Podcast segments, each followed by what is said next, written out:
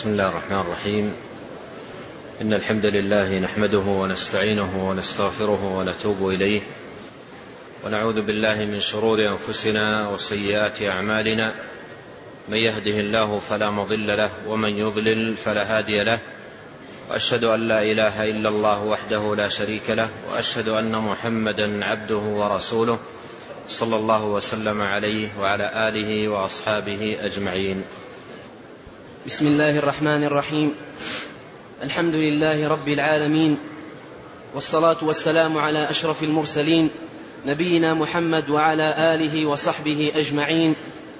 أما بعد فيقول المصنف رحمه الله تعالى وغفر له وللشارح وللسامعين قال في كتابه الكلم الطيب فصل في النظر في المرآة. يذكر عن أنس رضي الله عنه قال كان رسول الله صلى الله عليه وسلم إذا نظر وجهه في المرآة قال الحمد لله الذي سوى خلقي فعدله وكرم صورة وجهي فحسنها وجعلني من المسلمين. قال المصنف رحمه الله فصل في النظر في المرآة. أي ماذا يستحب للمسلم أن يقوله إذا نظر في المرآة؟ ومن المعلوم أن من نظر إلى المرآة يرى في المرآة صورته ويرى ما من الله عز وجل به عليه من جمال الهيئة وحسن المنظر وحسن الشكل. لقد خلقنا الإنسان في أحسن تقويم فيرى خلق الله تبارك وتعالى له على هذه الصورة البديعة الجميلة الحسنة الطيبة. وهو في هذا النظر يستشعر هذه المنة العظيمة من الله تبارك وتعالى له بهذه الهيئة الطيبة الحسنة الجميلة. واستحضار النعمة يقتضي الحمد حمد المنعم. تبارك وتعالى على منه على عبده بهذه الهيئة والقوام والمنظر والصورة الطيبة. قال فصل في النظر في المرآة أي ما الذي يقوله من نظر في المرآة. وأورد حديثين.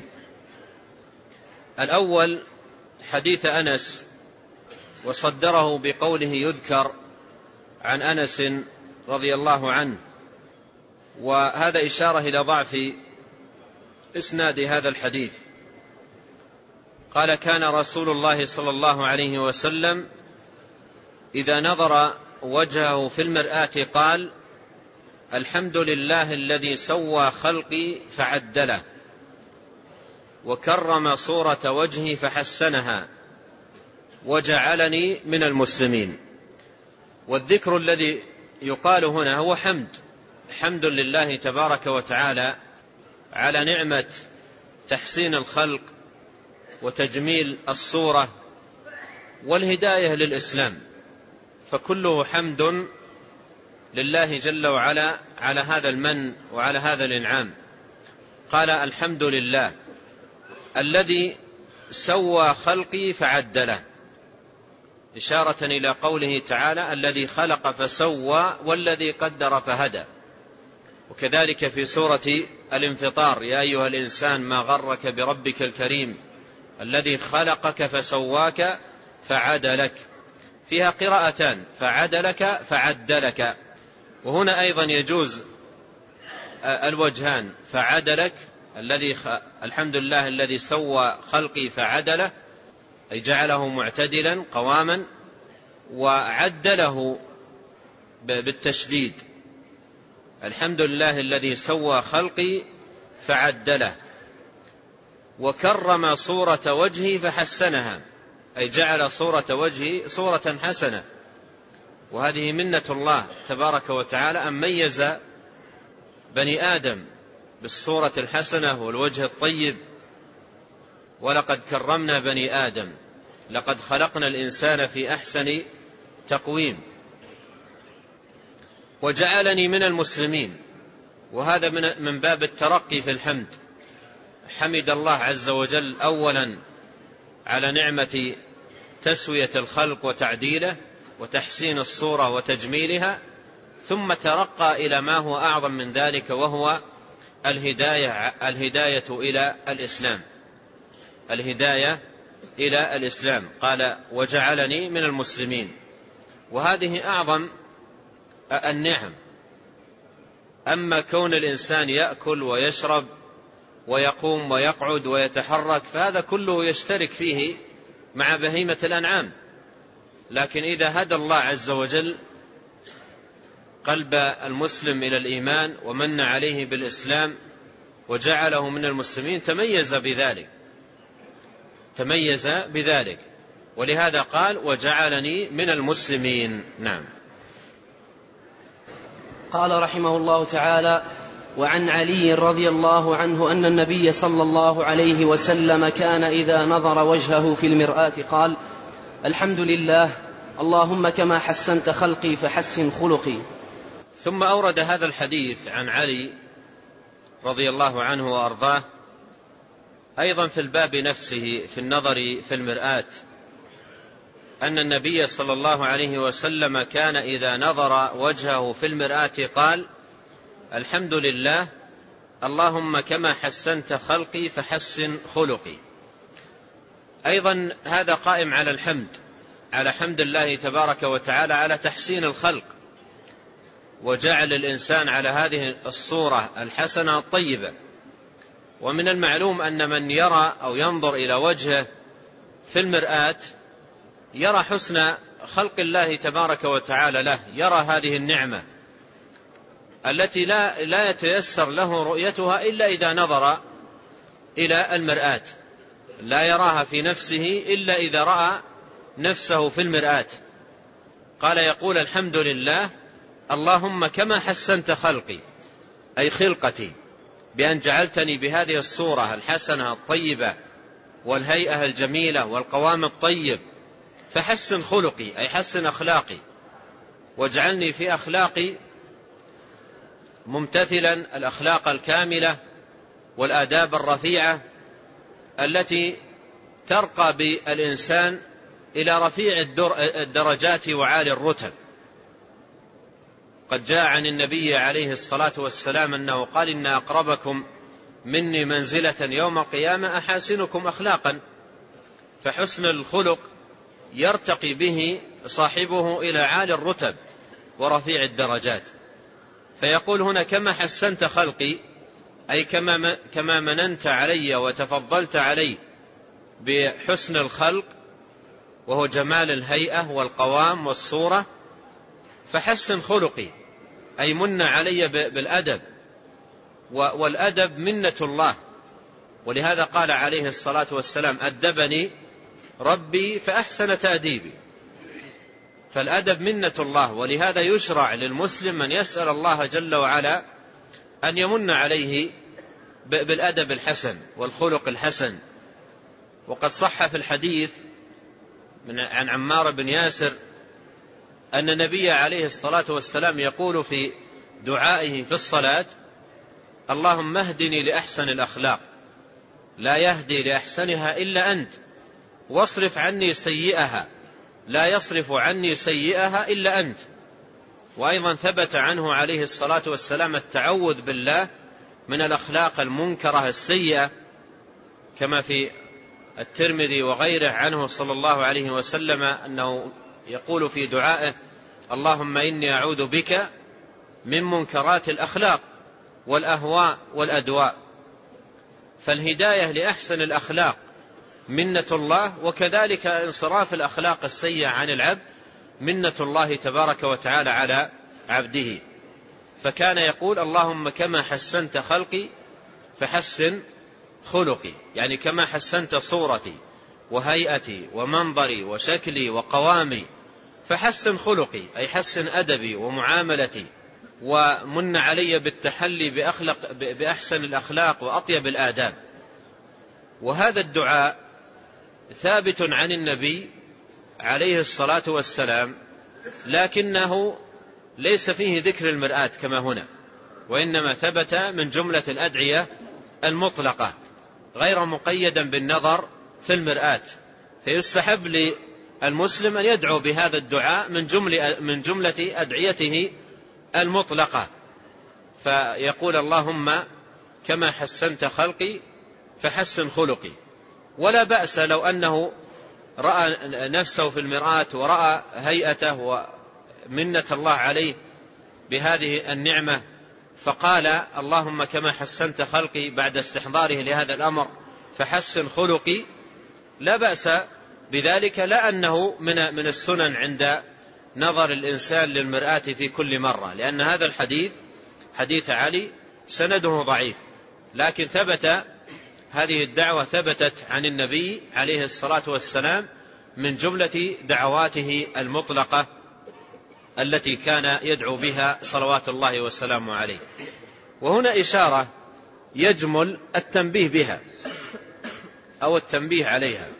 عندما ينظر الإنسان إلى وجهه في المرآة ويرى ما من الله تبارك وتعالى به عليه وما فطره عليه من جمال في هيئته ووجهه وما زينه تبارك وتعالى به في وجهه وما جمله به وجعله من أمور الفطرة ألا وهو إعفاء اللحية وقص الشارب فهذا المنظر وهو ترك اللحية معفاة مرخاة من سنن الأنبياء والمرسلين. نبينا عليه الصلاة والسلام وصحابته الكرام كانوا على ذلك على إعفاء اللحية. والأنبياء من قبله عليه الصلاة والسلام كانوا على ذلك. وفي قصة موسى مع أخي ابن أم لا تأخذ بلحيتي. فإعفاء اللحية من سنن المرسلين وهي من سنن الفطرة كما أرشد إلى ذلك نبينا عليه الصلاة والسلام. هي من سنن الفطرة التي فطر الله تبارك وتعالى الناس عليها. فهي فطرة فطر الناس عليها كما قال عليه الصلاة والسلام عشر من الفطرة وذكر منها إعفاء اللحية وقص الشارب. وكانت أم المؤمنين عائشة رضي الله عنها إذا أرادت أن تحلف تقول والذي زين الرجال باللحى. كانت تقول والذي زين الرجال باللحى. لأن اللحية زينة للرجل وجمال لوجهه فهي حسن وبهاء. فالمسلم الذي بقي على الفطرة ويرى هذا الجمال الذي من الله تبارك وتعالى عليه به فكساه بهذه اللحية التي هي زينة وجمال الله يحمد الله. يحمد الله تبارك وتعالى على منته عليه بهذا الجمال الذي كساه به ومن عليه به بأن آه، أكرمه بهذه اللحية الجميلة التي تنبت في, في, في وجهه على خده وفي ذقنه فتكسوه جمالا وحسنا. وهذه الفطرة أما إذا تغيرت فطرة الإنسان وتبدلت فإن المعروف يصبح عنده منكرا. فإن المعروف يصبح عنده منكرا. وما كان محبوبا لدى الأنبياء والمرسلين ومضوا عليه ومضى عليه أتباعهم وصحابتهم يصبح عنده أمرا منكرا.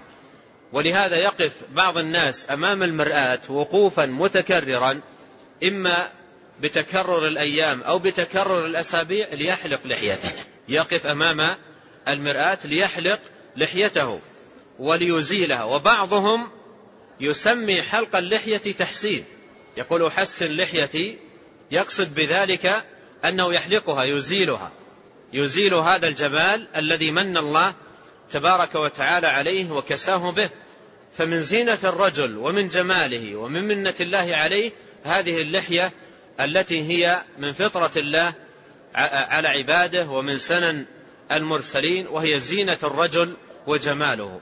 وينبغي على الإنسان إذا كانت نفسه شردت عن الفطرة لوقت ما من حياته أن يعود أن يعود إلى هذه السنة العظيمة من سنن الفطرة وأن يعود إلى هذا الهدي القويم من هدي الأنبياء والمرسلين وأن يعود إلى هذا الجمال والحسن الذي كساه الله تبارك وتعالى به. فيحمد الله على ذلك لا أن يقف أمام المرآة ليزيل هذا الجمال وليزيل هذا الحسن الذي كساه الله تبارك وتعالى به. وبعض الناس هدانا الله وإياهم لأقوم من هذا رشدا إذا يمعن في المخالفة يعني في مخالفة هذه الفطرة بحلق اللحية ولا يكتفي بالحلق بل يجتهد في في نتفها. ينتفها حتى لا يبقى لها أثر ولا يبقى لها يعني وجود نهائيا ينتفها نتفا. ثم يسبل شاربه. مخالفة تامة للفطرة. يسبل شاربه يرخي الشارب بحيث يصبح الشارب ينزل على الفم ويغطيه. وهذا فيه مفسدة ومضرة عليه هو في هيئته لأن الهيئة تصبح قبيحة. ومع ذلك يرى نفسه من أجمل ما يكون. اللحية محلوقة والشارب طويل ونازل على الفم فيرى نفسه أجمل ما يكون وأحسن ما يكون. وهذه هيئة, هيئة سيئة وإضافة إلى قبحها وسوءها ففيها مضرة عليه. يعني عندما يريد أن يتناول الطعام والفم يعني مغطى بالشارب نزل شاربه على فمه كيف كيف يشرب الطعام؟ يعني بعضهم تستغرب إذا رأيته تقول كيف يتناول الطعام كيف يشرب الشراب؟ وكيف يقبل أطفاله؟ يعني هذا الآن لو جاء وقبل طفله وشاربه كث وغليظ ومغطي لفمه. ثم من باب الحنان والعطف على طفله الصغير قبله. ماذا سيقول الطفل؟ سيقول ليت الله راحنا من هذه القبلة. هي قبلة حنان ويفرح بها الطفل ويسعد لكنه سيقول ليت الله أراحنا من هذه القبلة. هذه قبلة وإلا إيش؟ أذية ولا بشاربه الكث الغليظ الذي يغطي فمه ثم يضع هذا هذا الفم على خد الطفل الرقيق ثم يقبله. أما أما زوجة مثل هذا فلا تأسأل لا تسأل عن المأساة التي تعيشها من مثل هذا الوضع. وهذا كله بسبب نكد المخالفة للفطرة فطرة الله التي فطر الناس عليها. فدائما ترك الفطرة والتخلي عنها لا يجلب للناس إلا الشر لا يجلب لهم إلا الأذى.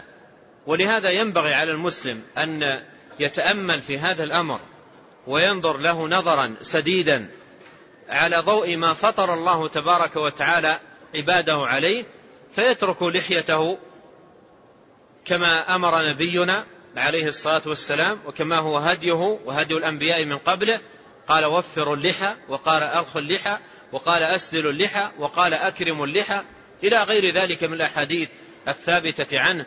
عليه الصلاة والسلام وقال قصوا الشوارب. وهذا الذي هو الخير للعبد والجمال والحسن له في دنياه وأخراه. وأذكر أحد العلماء الأفاضل وهو الشيخ محمد بن صالح العثيمين رحمه الله. لما مرض في حياته وكان أصيب بمرض مؤذي وقالوا له الأطباء إن إن هذا المرض يحتاج إلى إلى علاج بمواد كيماوية. فقال هذا في آخر حياته. فقال هل هذه المواد تسقط اللحية؟ تسقط شعر اللحية؟ قالوا نعم. قال والله ما أريد أن ألقى ربي بدون لحية. لا أريد أن ألقى ربي بدون لحية. فمع أنه يسوغ له في هذه الحالة من باب العلاج أن يأخذ هذا الدواء لكنه كره ذلك. فالشاهد أن المحافظة على هذه اللحية والعناية بها واستبقاؤها والمحافظة عليه هذا جمال للرجل وزينة له يحمد الله تبارك وتعالى على ذلك. وأما إزالتها وحلقها فهذا نوع من المخالفة للفطرة والمخالفة لهدي الأنبياء والمرسلين. نسأل الله الكريم رب العرش العظيم أن يشرح صدورنا لاتباع سننهم وأن يوفقنا للزوم الفطرة وأن يهدينا سواء السبيل.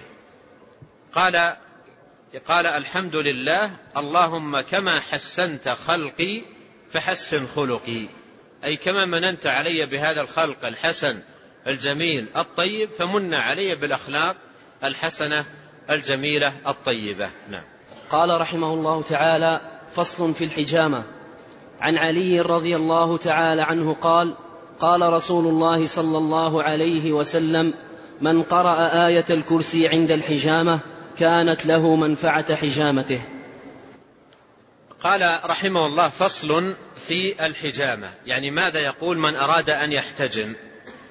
والحجامة نوع من العلاج وهي تشريط لجزء من البدن وإخراج للدم الفاسد أو الدم المتخثر الذي يكون في بدن الإنسان وبقاؤه يؤذي الإنسان. فالحجامة نوع من العلاج. وقد صح في الحديث عن النبي عليه الصلاة والسلام أنه قال شفاء أمتي في ثلاث وذكر منها شرطة محجم. شرطة محجم. فالحجامة نوع من العلاج وفيها شفاء كما أخبر نبينا عليه الصلاة والسلام وهو صلوات الله وسلامه عليه احتجم. وكذلك احتجم من احتجم من أصحابه فهو علاج وفيه شفاء ومنفعته ظاهرة منفعته ظاهرة لأن فيه إخراج لدم في الإنسان بقاؤه يكون مؤذيا للإنسان ومضرا به فيخرجه وتتجدد حركة الدم في بدن الإنسان وتزول يعني يزول عنه ذلك الدم المؤذي المضر ففيه فائدة ومنفعة له. وهذا الفصل عقده رحمه الله ليبين ما الذي يقال أو ما الذي يقوله من أراد أن يحتجم. وأورد في هذا الفصل حديثا عن علي رضي الله عنه قال قال رسول الله صلى الله عليه وسلم من قرأ آية الكرسي عند الحجامة كانت له منفعة حجامته. وفي بعض النسخ أو في بعض المصادر كانت له منفعة حجامتين. كانت له منفعة حجامتين. وهنا قال كانت له منفعة حجامته. وهذا فيه قراءة آية الكرسي عند الحجامة. عند عندما يريد الإنسان أن يحتجم. هذا لو ثبت الحديث لكن الحديث سنده ضعيف لا يثبت عن النبي عليه الصلاة والسلام. فلا يعمل به ما لم يثبت عن نبينا صلوات الله وسلامه عليه. وآية الكرسي معروف مقامها وشأنها ومكانتها فهي أعظم آي القرآن شأنا وأرفعه مكانة وقد أخبر النبي صلى الله عليه وسلم أنها أفضل آي القرآن. أخبر عليه الصلاة والسلام أنها أفضل آي القرآن. وهي آية أخلصت لبيان التوحيد. وهنا نتذكر قصة عجيبة عظيمة جدا. خرجها الإمام مسلم في صحيحه عن أبي بن كعب. قال قال لي رسول الله صلى الله عليه وسلم يا أبي أي آية معك من كتاب الله أعظم؟ قلت الله ورسوله أعلم. قال يا أبي أي آية معك من كتاب الله أعظم؟ قال قلت آية الكرسي الله لا إله إلا هو الحي القيوم. قال ليهنك العلم يا أبا المنذر. أي هنيئا لك هذا العلم يا أبا المنذر. وهنا تأمل حتى تستفيد هذا السؤال الذي طرحه النبي عليه الصلاة والسلام على أبي بن كعب. قال له أي آية معك؟ وأبي من حفاظ القرآن. وجاء في ترجمته في سير أعلام النبلاء قال سيد القراء من كبار قراء الصحابة وعرض القرآن على النبي عليه الصلاة والسلام. وهنا يقول له النبي صلى الله عليه وسلم أي آية معك من كتاب الله أعظم؟ وهو في صدره القرآن كاملا والقرآن آياته تزيد على ستة آلاف آية. والنبي عليه الصلاة والسلام يسأله أي آية من, من كتاب الله وآيات القرآن تزيد على ستة آلاف آية؟ أي آية من هذه الآيات أعظم؟ فقال الله ورسول أعلم. فعاد عليه النبي عليه الصلاة والسلام السؤال قال أي آية معك من كتاب الله أعظم؟ فقال آية الكرسي أنت هنا تأمل اختيار أبي لهذه الآية هل هو اختيار لها من بين عشر آيات أو عشرين أو مئة أو مئتين؟ اختار هذه الآية من بين أكثر من ستة آلاف آية. أيضا جوابه على هذا السؤال هل كان بعد مهلة زمنية؟ يعني أسبوع أو أسبوعين أو شهر وشهرين يتأمل في القرآن ثم يجيب أو في نفس الوقفة؟ هذا يبين لنا ماذا؟ يبين لنا كمال علم الصحابة من جهة ومن جهة ثانية عظم عنايتهم بالتوحيد. ولو أردت أن تقول كيف آه، وصل بتوفيق الله تبارك وتعالى أبي إلى هذا الجواب. كيف وصل إلى هذا الجواب السريع؟ في نفس الوقفة من بين أكثر من ستة آلاف آية يقول آية الكرسي. كيف وصل إلى هذا الجواب بتوفيق الله؟ الجواب على ذلك أن الصحابة رضي الله عنهم يدركون تمام الإدراك أن أعظم شيء في القرآن هو التوحيد. يدركون تماما أن أعظم شيء في القرآن هو التوحيد. وهذه الآية آية الكرسي هي أجمع آيات التوحيد. أجمع الآيات التي فيها تقرير التوحيد وذكر براهينه. بل كما قال مؤلف هذا الكتاب شيخ الإسلام بن تيمية قال إن آية الكرسي جمعت من براهين التوحيد ودلائله ما لم يجتمع في آية أخرى بل جاء مفرقا في آيات. بل جاء مفرقا في آيات. مثل أوائل سورة الحديد وأواخر سورة الحشر وآيات مفرقة في كتاب الله عز وجل. أما آية تجمع هذا الجمع العظيم لبراهين التوحيد ودلائله فلا يوجد في القرآن غير هذه الآية في جمعها لبراهين التوحيد. فهي أعظم آية في كتاب الله لأنها أخلصت لتقرير التوحيد وبيان براهينه ودلائله وفيها أيضا بيان عظمة الرب فيها خمسة أسماء حسنى لله جل وعلا وفيها من الصفات لله سبحانه ما يزيد على العشرين صفة له جل وعلا وفيها من براهين التوحيد ما يزيد على العشرة براهين والدلائل العظيمة الدالة على أن المستحق للعبادة وأن يخص ويفرد بالطاعة هو رب العالمين فيها أكثر من عشرة براهين فهي آية عظيمة ولها شأن عظيم ورد فيها فضائل مخصوصة وترغيب في قراءتها دبر كل صلاة جاء عن النبي صلى الله عليه وسلم أنه قال من قرأ آية الكرسي دبر كل صلاة مكتوبة لم يكن بينه وبين الجنة إلا أن يموت. لم يكن بينه وبين الجنة إلا أن يموت. جاء عن مؤلف هذا الكتاب شيخ الإسلام بن تيمية أنه قال ما تركت قراءتها دبر كل صلاة مكتوبة منذ عرفت هذا الحديث. منذ عرفت هذا الحديث. وجاء فيها فضائل أخرى. لكن قراءتها عند الحجامة وردت وردت في هذا الحديث وهو حديث لم يثبت عن نبينا الكريم صلوات الله وسلامه عليه. نعم. قال رحمه الله تعالى فصل في الأذن إذا طنت. عن أبي رافع رضي الله تعالى عنه قال قال رسول الله صلى الله عليه وسلم إذا طنت أذن أحدكم فليذكرني وليصلي علي. وليقل ذكر الله بخير من ذكرني. ثم عقد هذا الفصل في الأذن إذا طنت. ومعنى طنت الأذن أي صار لها طنين. والطنين صوت من الأصوات قد يحصل لأذن الإنسان في, في بعض الأحيان فيصبح لأذنه طنين. والطنين صوت معروف. الآن طشت الماء النحاسي إذا ألقي في الأرض وأصبح يتحرك على البلاط تسمع له طنينا.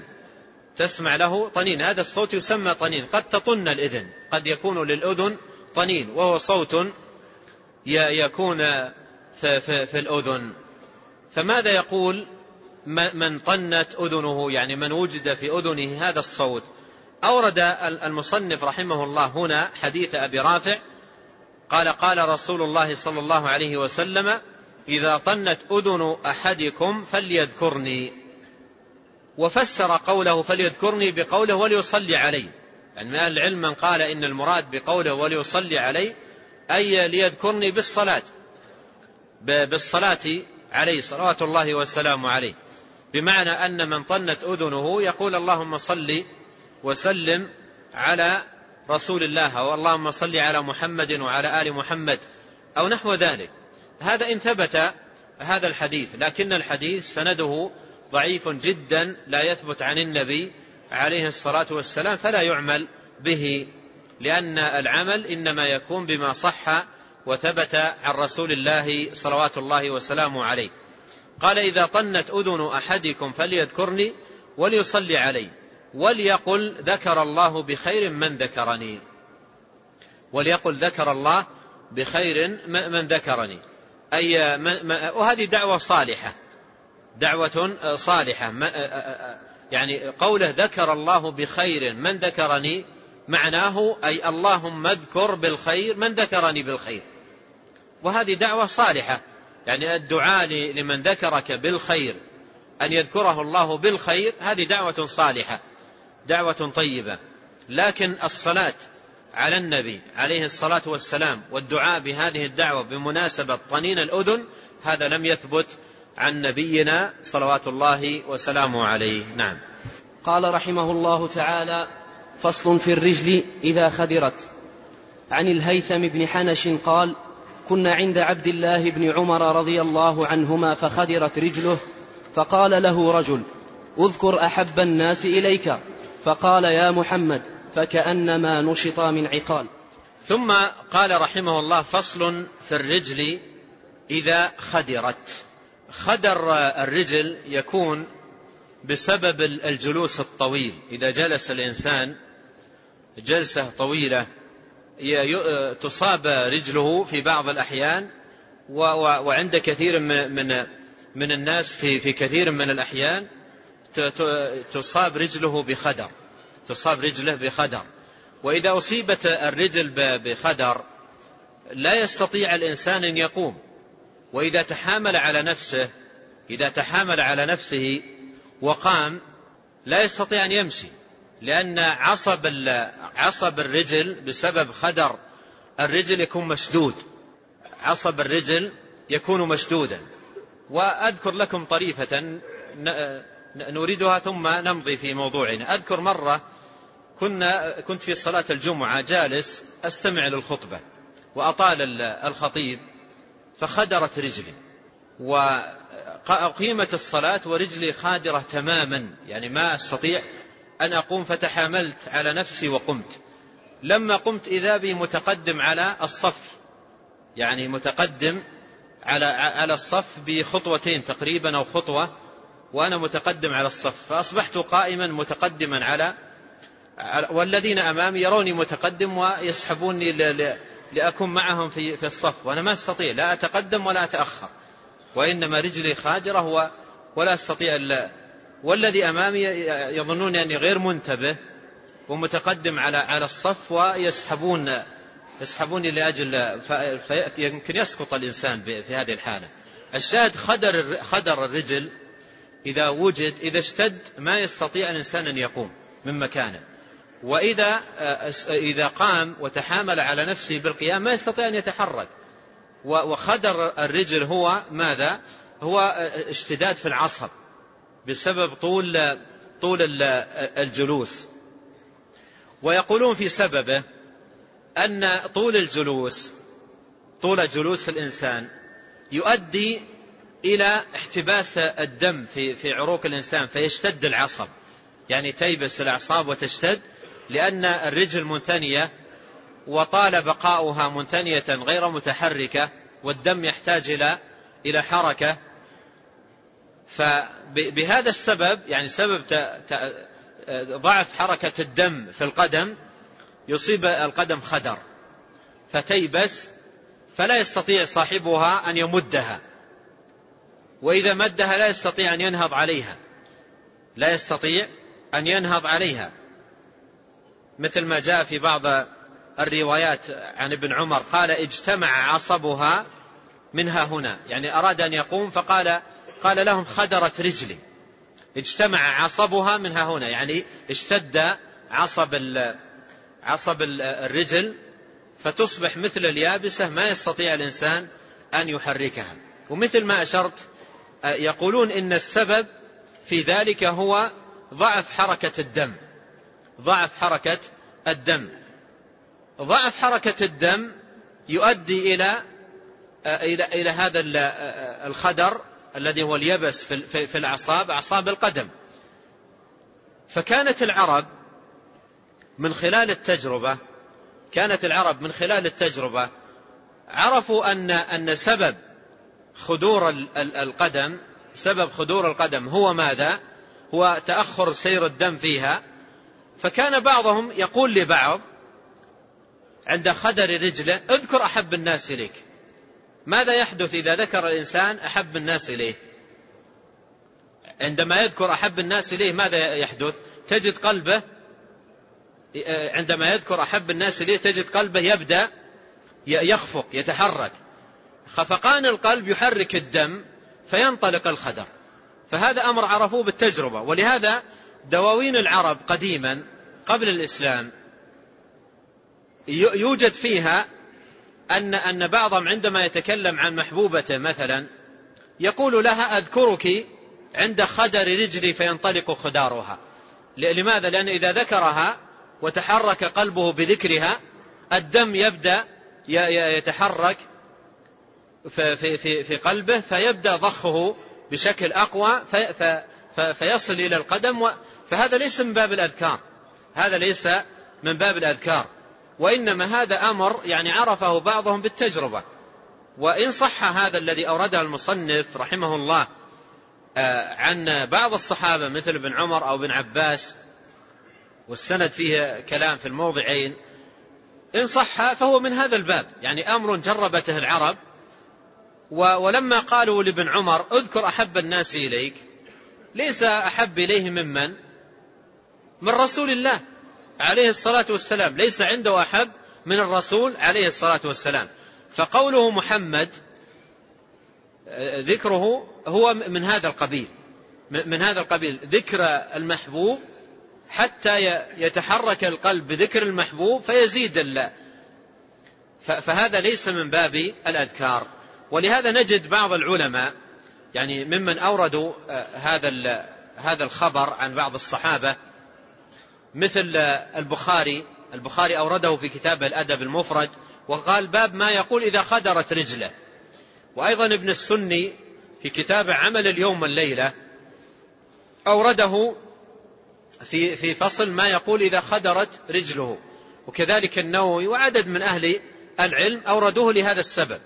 ولهذا نجد ابن السني رحمه الله في كتاب عمل اليوم والليلة لما عقد هذا الفصل باب ما يقول إذا خدرت رجله وأورد هذا الأثر أثر ابن عمر وكذلك أثر ابن عباس قال ساق بسنده عن الوليد بن يزيد ابن عبد الملك أنه قال في حبابه يعني كأنه حبيبة له أو نحو ذلك قال أثيبي مغرما كلفا محبا إذا خدرت له رجل دعاك. إذا خدرت له رجل دعاك أي ذكرك. أثيبي أي أجزيه بجزاء أو أعطيه عطاء أو أجزيه بجزاء. إذا خدرت رجله دعاك. فهو لماذا أورد هذا هذا البيت؟ مشيرا إلى أن هذه هذا أمر يعني كان معروفا عند الناس أن من خدرت رجله يذكر أحب الناس إليه وهو إذا ذكر أحب الناس إليه ماذا حصل؟ ضخ الدم في القلب يزيد ضخ الدم في القلب يزيد فينطلق الدم في, في, في, في قدمه فيزول الخدار. أيضا أورد عن إبراهيم بن المنذر الحزامي وهو من شيوخ البخاري في كتابه الصحيح أنه قال أهل المدينة يعجبون من حسن بيت أبي العتاهية. يعجبون من حسن بيت أبي العتاهية. يقول أبو العتاهية في بيته وتخدر في بعض الأحايين رجله. فإن لم يقل يا عتبة لم يذهب الخدر. لم يذهب الخدر. إن لم يقل يا عتب يا عتبة لم يذهب الخدر. فعندما يذكر آه، آه، من خدرت رجله محبوبة وفعلا يتحرك قلبه بذكر المحبوب ويزيد الخفقان في ذكره لمحبوبه حركة الدم تزيد في البدن فينطلق الخدار فهذا يكثر يعني في في في كلام العرب ويكثر في أشعارهم قبل الإسلام وبعد الإسلام. وهنا تتساءل ابن السني رحمه الله ومثله أيضا صنع النووي في كتابه الأذكار. النووي لما عقد هذا الفصل وأورد هذا الأثر أتبعه بقول إبراهيم آه، آه، آه، إبراهيم بن المنذر الحزامي شيخ البخاري أورد قوله كان أهل المدينة يعجبون وذكر بيت بالعتاهية ذكر هذا النووي رحمه الله في كتابه الأذكار. وأيضا ابن السني ذكر هذا في كتاب عمل عمل اليوم والليلة. وهذا الصنيع من هذين الإمامين فيه إشارة إلى ماذا؟ فيه إشارة إلى أن هذا ليس ليس من باب الأذكار وإنما هو أمر جربته العرب أمر جربته العرب جربوا أن الإنسان إذا خدرت رجله آه، يذكر محبوبه فبذكره لمحبوبه ينطلق آه، يزيد خفقان الدم في قلبه فيتحرك في في عروقه فينطلق الخدار. هذا أمر عرفته العرب. وابن عمر إن صح ما أورده المصنف عنه لما قالوا له اذكر أحب الناس إليك. اذكر أحب الناس إليك. على على على الطريقة المعروفة فيما جرب وجدوا له فائدة. فقال محمد لأنه قال محمد عليه الصلاة والسلام لأنه ليس هناك أحب إليهم من محمد. إذا كان أولئك يذكرون آه، من الشاعر منهم يذكر محبوبته أو يذكر شيء من هذا القبيل هم ليس عندهم أحب من رسول الله محمد صلى الله عليه وسلم. قال فصل في الرجل إذا خدرت. قال عن الهيثم بن حنش كان عند عبد الله بن عمر رضي الله عنهما كنا عند عبد الله بن عمر رضي الله عنهما فخدرت رجله أي رجل بن عمر. فقال له رجل اذكر أحب الناس إليك. اذكر أحب الناس إليك. ما المراد بقوله؟ اذكر أحب الناس إليك. يعني اجعل قلبك يتحرك بذكر محبوبك. من, من, من هو أحب إليك؟ فإذا تحرك قلبك بذكره سيزيد ضخ الدم في, في قلبك. على ما هو مجرب؟ سيزيد ضخ الدم في, في قلبك. فينطلق الخدار قال اذكر أحب الناس إليك. فقال محمد. قال محمد. هنا المثبت يا محمد. وهذا في بعض النسخ. وفي بعضها محمد. وسواء كان قال محمد أو قال يا محمد يا هنا يأتي بها أو يؤتى بها حتى في آه، شعراء في الشعراء عند ذكر المحبوب لاستحضاره لا لمناداته. يؤتى بياء النداء لا يقصد بها النداء وإنما يقصد بها استحضار استحضاره. فقال يا محمد وفي بعض النسخ قال محمد أي, أي أن هذا هو أحب الناس إلى قلبي. قال محمد فكأنما نشط من عقال فكأنما نشط من من عقال يعني كأنما أطلقت رجله من من عقال. هذا هذا الأثر إذا أسيء فهمه هذا الأثر إذا أسيء فهمه وأسيء فهم مراد آه، أهل العلم به مثل الإمام البخاري ومثل ابن السني ومثل النووي ومثل ابن تيمية وغيرهم ممن أوردوه أوردوه جريا على هذه العادة. المعروفة. ولهذا قلت لكم ابن السني رحمه الله وكذلك النووي أوردوا بعض أشعار العرب. أوردوا بعض أشعار العرب التي جروا فيها على هذه الطريقة. فهذا ليس من باب النداء وليس من باب الدعاء وليس من باب الاستغاثة وليس من باب التوسل وإنما هو أمر جربته العرب. فمن لم يفهم هذا الأمر على بابه يسيء الظن بهؤلاء العلماء و و و ويسيء الفهم في باب الاعتقاد ويظن أن هذا نوع من الإيش؟ التوسل أو نوع من الاستغاثة بغير الله في, في هذه الحال. ولهذا بعض أيضا بعض أهل البدع ودعاة القبورية جاءوا إلى هذا الأثر وحاولوا أن يوظفوه إلى ماذا؟ حاولوا أن يوظفوه للاستدلال به في باب التوسل غير المشروع. وباب الاستغاثة بالأموات وهذا من سوء الفهم أو سوء القصد أحدهما لأن الإنسان إذا ساء فهمه أو ساء قصده أتى بالأعاجيب. فبعض أهل أهل البدع من أهل القبور والتعلق بالقبور جاءوا إلى هذا الأثر وقالوا إن هذا توسل في صورة النداء. قول ابن عمر قالوا هذا توسل في في صورة النداء. وهذا كلام باطل. هذا ليس توسل. هذا ليس توسل. وإنما هذا أمر عرف عند العرب عندما تصاب رجل الإنسان بالخدار أنه يذكر محبوبة. ولهذا قال له اذكر أحب الناس إليك. ما قال استغيث بأحب الناس إليك. ولا قال استنجد بأحب الناس إليك. ولا قال توسل بأحب قال اذكر. يعني اذكره اذكره استحضر ذكره. لأنك إذا ذكرته تحرك قلبك عند ذكره. ولاحظون ملاحظة بل فائدة مهمة. عندما قال ذاك القائل أن هذا نداء توسل في صورة النداء. توسل في صورة النداء. العرب الذين قبل الإسلام وجاء عنهم في في أشعارهم شيء كثير من ذلك. يعني يذكر محبوبته عند عندما تخدر رجله. ويقول في شعره مثل ما مر معنا قريبا يقول أذكرك فينطلق خدارها. هذا الذي توسل على قول هؤلاء هذا الذي ذكر محبوبته. وكانوا أيضا من شعراء الجاهلية ومن أهل الشرك والكفر. هل, هل أيضا هذا الذكر يقول عنه هذا القائل هو توسل في صورة النداء؟ يعني توسل بمحبوبته وهو إياها من الكفار واستجيب له وانطلق خدار رجله بتوسله؟ هذا لا يقول عاقل يا إخوان ينبغي أن ننتبه لهذا. الآن هذا أمر درج عليه العرب وموجود في أشعار أشعارهم قبل الإسلام وبعد الإسلام.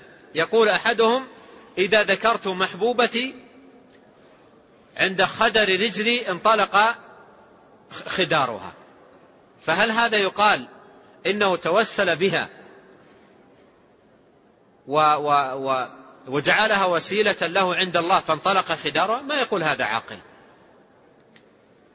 ولأجل هذا أورد من أورد في كتب الأذكار هذه الأشعار وليس محلا لها كتب الأذكار أوردوها في كتب الأذكار من أجل أن لا يلتبس الأمر عند بعض الناس.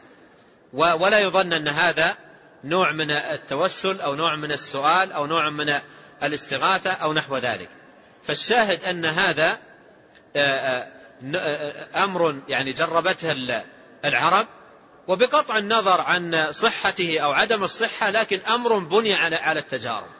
أمر بني على التجارب وهو ليس من باب من باب الذكر وإنما هو من باب أمر يقال عند خدر الرجل. وقد يقول قائل هنا إذا ما وجه ذكر هؤلاء الأئمة الأعلام لهذا الأثر في كتب الأذكار؟ وهذه كتب خصصت للأذكار. والجواب أن كتب الأذكار لما كانت لإيراد ما يقال عند أمر ما وكان هذا أمرا يقال عند خدر الرجل وعرف بالتجربة بعض العلماء أورده لا لأنه ذكر من الأذكار وإنما لأنه أمر جربه من جربه وعرفوا فائدته وأثره ولهذا أوردوه. وعلى هذه الطريقة بعضهم أورده في كتب الأذكار وبعضهم أيضا أورده في كتب الآداب مثل الإمام البخاري رحمة الله عليه في كتابه الأدب المفرد أفرد له فصلا قال فصل إذا خدرت رجله ما ماذا يقول؟ وأما كتب الأذكار فكثير من أهل العلم أوردوه لا لأنه ذكر ولا لأنه توسل ولا لأنه استغاثة وإنما لكونه أمر عرف بين الناس من خلال التجارب أن أن يذكر الإنسان محبوبه فإذا ذكر محبوبه انطلق الخدار الذي برجله بسبب قوة حركة الدم في قلبه بسبب ذكره لمحبوبه. قال عن الهيثم بن حنش قال كنا عند عبد الله بن عمر رضي الله عنهما فخدرت رجله فقال له رجل اذكر أحب الناس إليك فقال يا محمد فكأنما نشط من عقال كأنما نشط من عقال العقال يستعمله رعاة الإبل. وذلك عندما يبرك البعير ويريد صاحبه ألا ينهض البعير من من مكانه فيضع العقال في ركبته. يضع العقال في في ركبة البعير. وإذا أراد أن أن يقوم البعير يمنعه عقاله من قيامه. يمنعه العقال الذي في ركبته من قيامه. فإذا حل عنه العقال قام بكل سهولة. وكذلك من خدرت رجله مثل الذي في رجله عقال. مثل الذي في رجله عقال. إذا أراد أن يقوم ما يستطيع. فإذا انفك الخدر الذي في رجله يقوم مثل الذي نشط من عقال. قال رحمه الله تعالى وعن مجاهد قال خدرت رجل رجل عند ابن عباس رضي الله عنهما فقال له ابن عباس اذكر أحب الناس إليك. فقال محمد صلى الله عليه وسلم فذهب خدره. وهذا الأثر هو بمعنى الذي قبله بمعنى الأثر الذي قبله لكن سنده أشد ضعفا من الذي قبله. في في سنده من هو متهم بالكذب فهذا لم يثبت عن ابن عباس رضي الله عنهما وهو بمعنى الذي قبله. وعلى كل حال إن صح ذاك الأثر المتقدم عن ابن عمر إن صح إسناده عن ابن عمر فمعناه هو ما سبق إيضاحه وهو أمر عرف بالتجارب وليس من باب التوسل ولا من باب الاستغاثة. نعم. قال رحمه الله. وهذا الموضع أخطأ فيه فئتان من الناس. الفئة الأولى من أشرت إليهم من أهل القبور والتوسل بغير الله تبارك وتعالى فوجدوا هذا الأثر فظنوا أنه على الباب الذي هم عليه. وحاشا أن يكون في كلام الصحابة ومن اتبعهم بإحسان استغاثة بغير الله. حاشا أن يكون شيء من ذلك. أو استنجاد بغير الله. حاشا أن يكون في كلامهم شيء من ذلك. فهم براء من هذه الأعمال. فمثل أولئك ظنوا هذا الظن. وقالوا إن هذا توسل في صورة النداء وأخذوا يبنون عليه صحة التوسل غير المشروع. هذه فئة.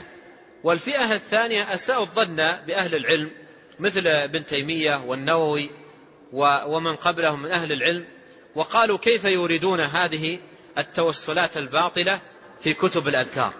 كيف يريدون هذه التوسلات الباطلة في كتب الأذكار؟ فأساءوا الظن عندما ظنوا أن هذا نوع من التوسل أو نوع من الاستغاثة. حتى إن أحدهم أخذ ينقل من كتب ابن تيمية إنكاره للاستغاثة بغير الله. وكأنه يقول ماذا؟ يقول كيف يعني ابن تيمية في كتبه يورد النصوص العظيمة والكلام العظيم في إنكار الاستغاثة بغير الله ثم يورد هذا الأثر وفيه استغاثة بغير الله. فهذا أساء الفهم. أساء الفهم وبنى على إساءته للفهم لكلام أهل العلم إراده لمثل هذا الكلام. وينبغي فهم كلام أهل العلم على بابه وإحسان الظن بأهل العلم ومعرفة مقصودهم وأن يكون الكلام على ما يقرره أهل العلم بعلم وعدل. ومن تكلم في آه، كلام أهل العلم بعدل بعلم وعدل وفق للحقيقة. ومن خرج عن هذين الأمرين جنح إلى غير الصواب. نعم. قال رحمه الله تعالى فصل في الدابة إذا تعست. عن أبي المليح عن رجل قال كنت رديف النبي صلى الله عليه وسلم فعثرت دابته فقال تعس الشيطان. فقال لا تقل تعس الشيطان فإنك إذا قلت ذلك تعاظم حتى يكون مثل البيت ويقول بقوتي ولكن قل بسم الله فإنك إذا قلت ذلك تصاغر حتى يكون مثل الذباب. والله تعالى أعلم وصلى الله وسلم على نبينا محمد وعلى آله وأصحابه أجمعين.